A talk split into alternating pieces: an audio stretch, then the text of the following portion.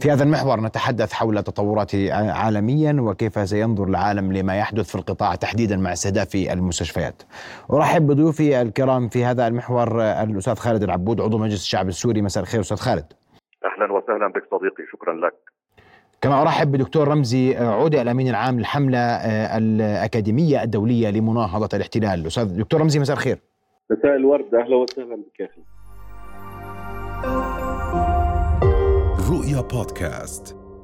أهلا بك سيدي. أبدأ معك أستاذ خالد العبود والجميع يترقب ما بعد آه، القمة العربية كان يوم أمس واليوم نشهد مزيد من تطورات عسكريا استهداف للمستشفيات آه، آه، واستشهاد لأطفال ونساء واستمرار لعمليات عسكرية للاحتلال وتطور على الجبهة الجنوبية اللبنانية الشمالية الفلسطينية. وجهة نظرك إلى أين ستؤول الأمور أستاذ خالد؟ لك التحية صديقي ولضيفك أيضا ولفريق العمل تحديدا.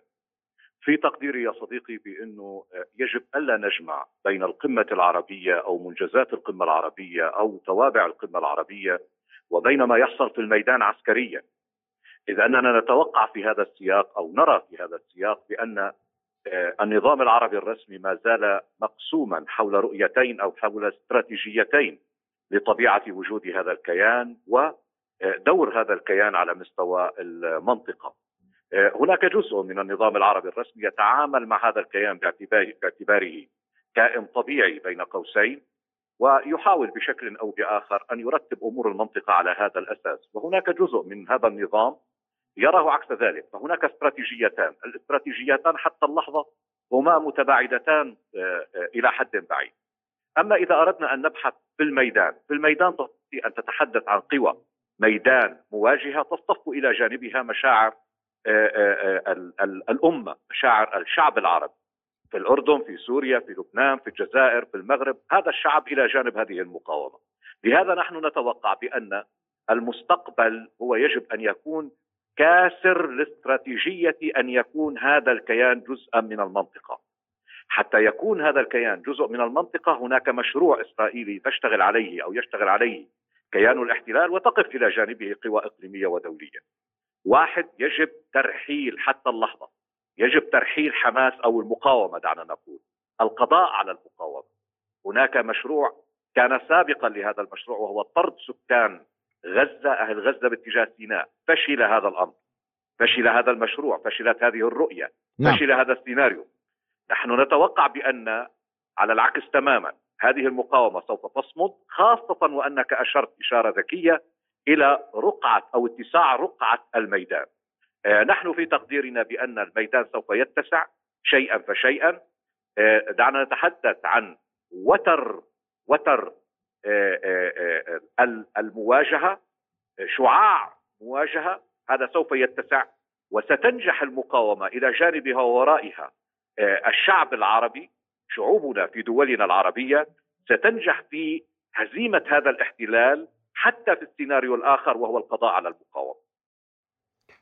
أستاذ خالد اليوم هناك قبل لحظات هناك تهديد وتلويح من قبل جيش الاحتلال بأن حزب الله سيدفع ثمن آه، العملية العسكرية التي نفذها اليوم في جنوب لبنان. هل تعتقد أن هذه هذه الجبهة ستشتعل خلال الساعات القادمة؟ آه، إذا كنا نتحدث عن الاشتعال باعتقادي أنها مشتعلة لكن إشارتك إلى أن نسبة هذه الاشتعال هذا الاشتعال. آه، أنا في تقديري بأن الاشتعال سوف يزداد وسوف يكون في تصاعد.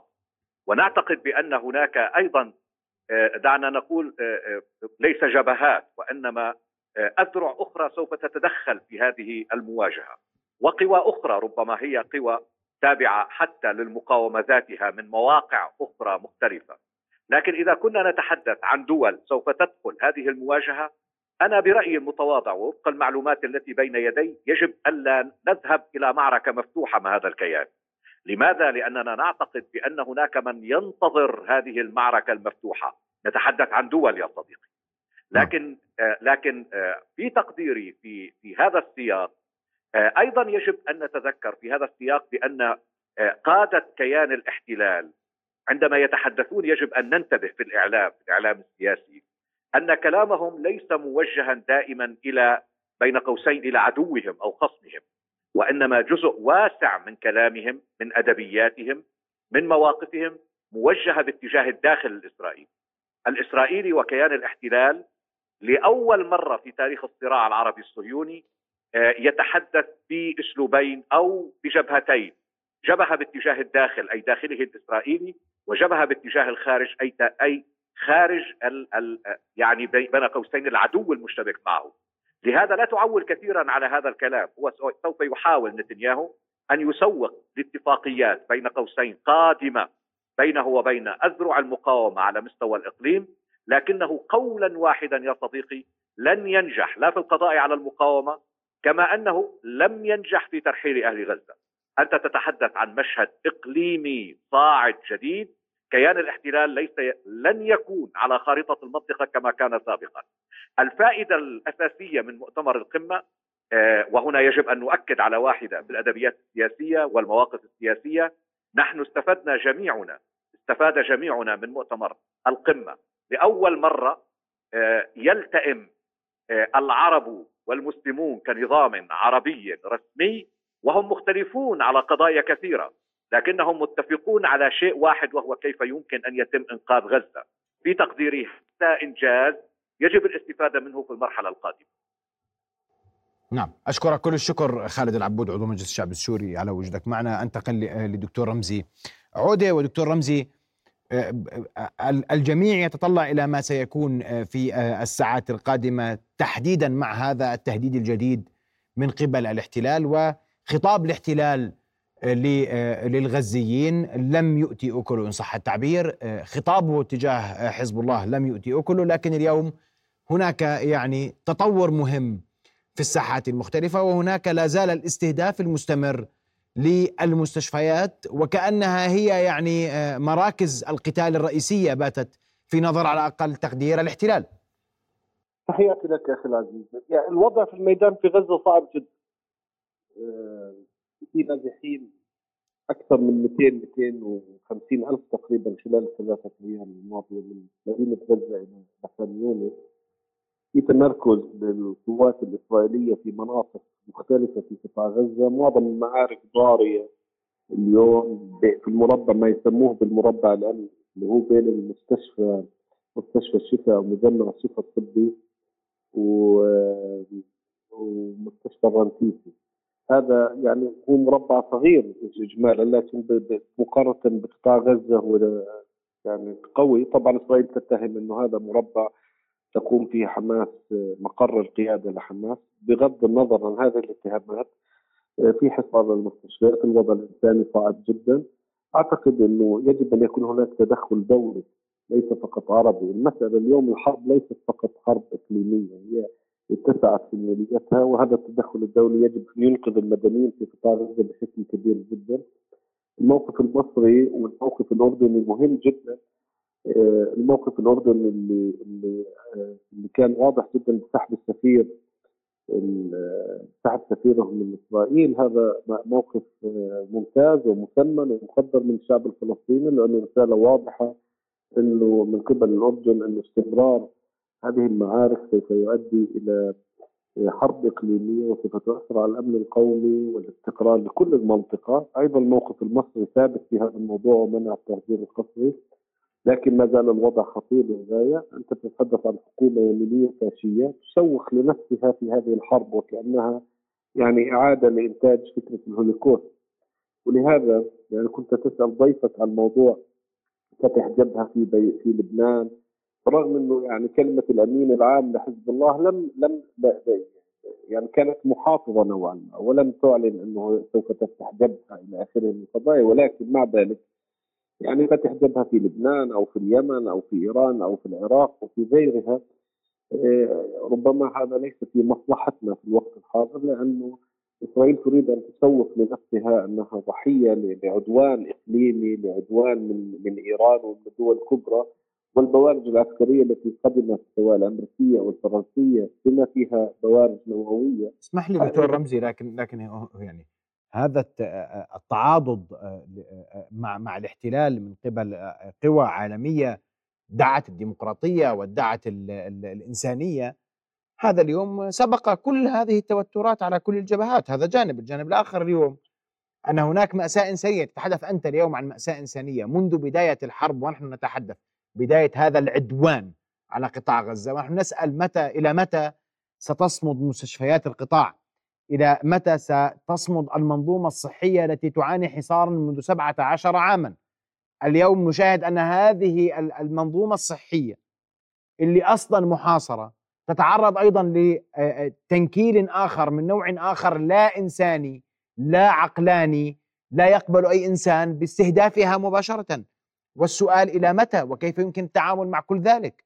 شوف هذه الحرب هي اختبار للضمير العالمي. أوضحت هذه الحرب لنا قضية مهمة أن إسرائيل أن خلقت بيد القوى الإمبريالية الغربية وما زالت هي أداة أداة وتعتقد هذه الدول الغربية أن حمايتها جزء من حماية الأمن القومي الغربي بين قوسين الغربي أقصد الولايات المتحدة وبريطانيا فرنسا ألمانيا هذه الدول فاعلة في المنظومة الدولية قدوم هذه البوارد العسكرية ورفض هذه القوى الإمبريالية حتى لوقف إطلاق النار.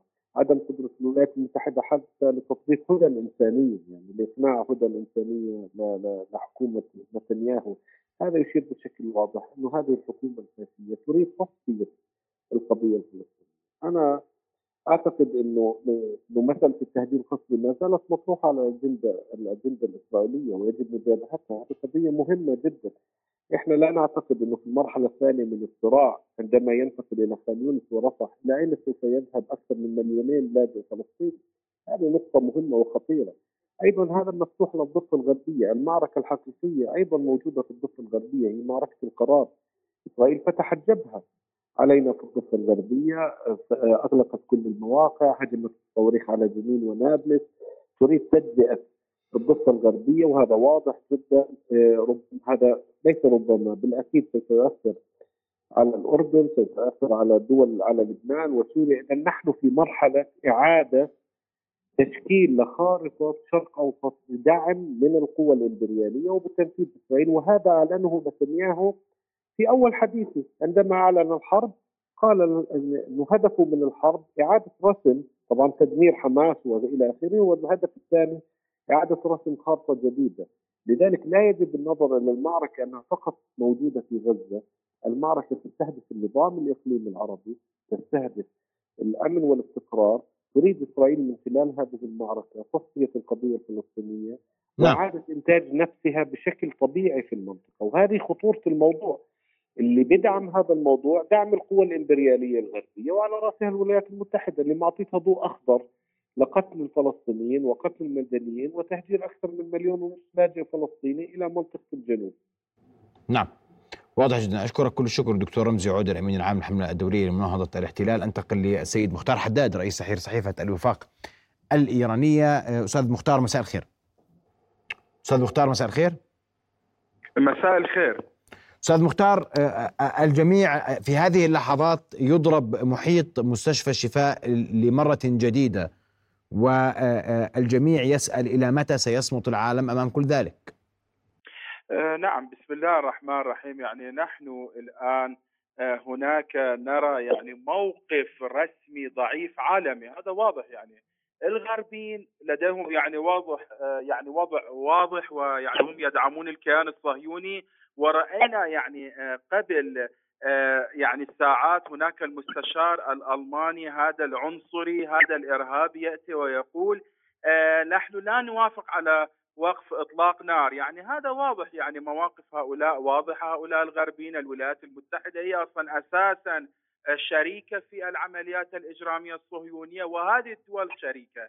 أما بالنسبة للدول العربية والإسلامية يعني نحن رأينا أمس القمة العربية والإسلامية. هناك مثلا على سبيل المثال قدمت إيران اقتراحات. من أهم هذه الاقتراحات يعني هذه كانت هناك توجد اقتراحات مشتركة ولكن إحدى أهم هذه الاقتراحات يعني اعتبار الجيش آه، الصهيوني يعني قوة إرهابية قطع العلاقات الاقتصادية والسياسية مع الكيان الصهيوني وتسليح الشعب الفلسطيني للدفاع عن نفسه وإيصال المساعدات. ولكن عندما رأينا يعني الخروج ببيان ختامي يعني هذا البيان لن يتطرق إلى مثل هذه الأمور، لن يتم الحديث عن آه، وقف المساعدات خاصة يعني المساعدات للكيان الصهيوني أو العلاقات الاقتصادية مع الكيان الصهيوني، واحدى هذه الأمور التي تم طرحها هو يعني عدم تزويد الكيان الصهيوني بالنفط والغاز ومساعدته، ولكن هناك حسب المعلومات بسبب تدخل دول منافقة. يعني هناك توجد حكومات منافقة كجمهورية أذربيجان وتركيا تأتي وتتدخل وتمنع يعني لكن إحنا أستاذ مختار استمعنا للخطابات أمس. اسمح لي يعني الخطابات كانت واضحة. هذه الخطابات لم تحمل نعم. ما تذكر على أقل تقدير يعني.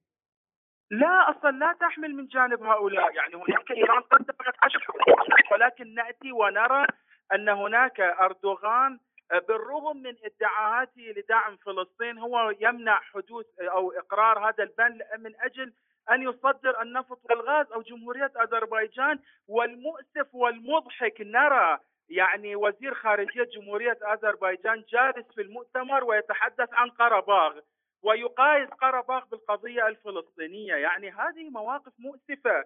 يعني هناك أستاذ مختار أستاذ مختار حتى حتى نتفق أن ما ورد في بيان القمة العربية الإسلامية أمس كان بيانا يعني آه، وافق عليه الجميع آه، واتفق عليه الجميع ولا يمكن أن يعني آه، نعطي هذه الاتهامات لشخص هنا وهناك وهو غير ممثل اليوم ولا يمكن له أن يدافع. أنا سؤالي اليوم عن مستشفى الشفاء عن ما يملك العالم العربي والإسلامي لفعله لكسر الحصار. لا أنا اريد أوضح لكم نقطة يعني هذا البيان صحيح ممكن الدول الإسلامية لا تبرز يعني خلافاتها حول البيان ولكن هناك توجد ملاحظات من جانب الكثير من الدول تجاه هذا البيان. وهناك يعني إحنا رأينا مواقف هذه الدول للأسف بعض هذه الدول يعني الآن لماذا يحدث هذا في في مستشفى الشفاء؟ لأنه هناك الإسرائيليين يعرفون أن هناك لا يوجد موقف قوي تجاههم، لا يوجد شيء يضغط على الكيان الصهيوني. فلذلك هو يتجرأ يقوم بمثل هذه العمليات الإجرامية هذه العمليات الخطيرة التي لا مثيل لها يعني آه، آه، في العالم. يعني هناك يطالب بأن هذا الجيش يعتبر جيش إرهابي. هناك يتم قطع المساعدات على هذا الجيش خاصة من الجانب الاقتصادي الدعم لهذا الكيان يعني فعندما هو يرى مثل هذه المواقف الضعيفة هو يعني يتخذ مثل هذه الإجراءات الإجرامية ونرى الآن ما يحدث نعم. بالنسبة لمستشفى الشفاء يعني هناك مختار هناك تساؤل حول حول تطور الجبهات آه، وتطور الأمر لمعركة إقليمية، هل ترى ذلك ممكنا اليوم؟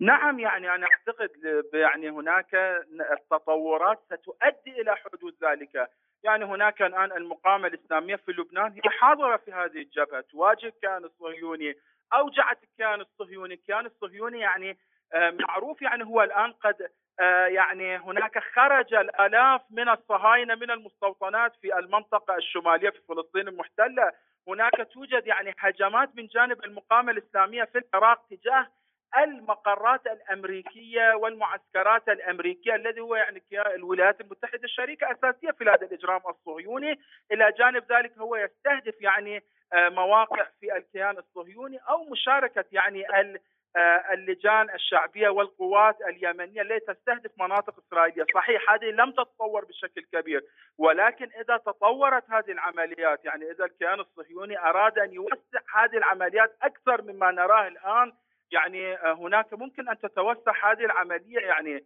يعني هذا ليس مستبعد والآن هذا يعود إلى سلوك الكيان الصهيوني ولكن بالفعل هناك فتحت جبهات جبهات من اليمن من العراق وكذلك من جانب حزب الله الذي هو يعني لديه الآن جبهة مباشرة في مواجهة الكيان الصهيوني. نعم، أشكرك كل الشكر مختار حداد رئيس تحرير صحيفة الوفاق الإيرانية كنت مباشرة معنا من طهران كل الشكر لك.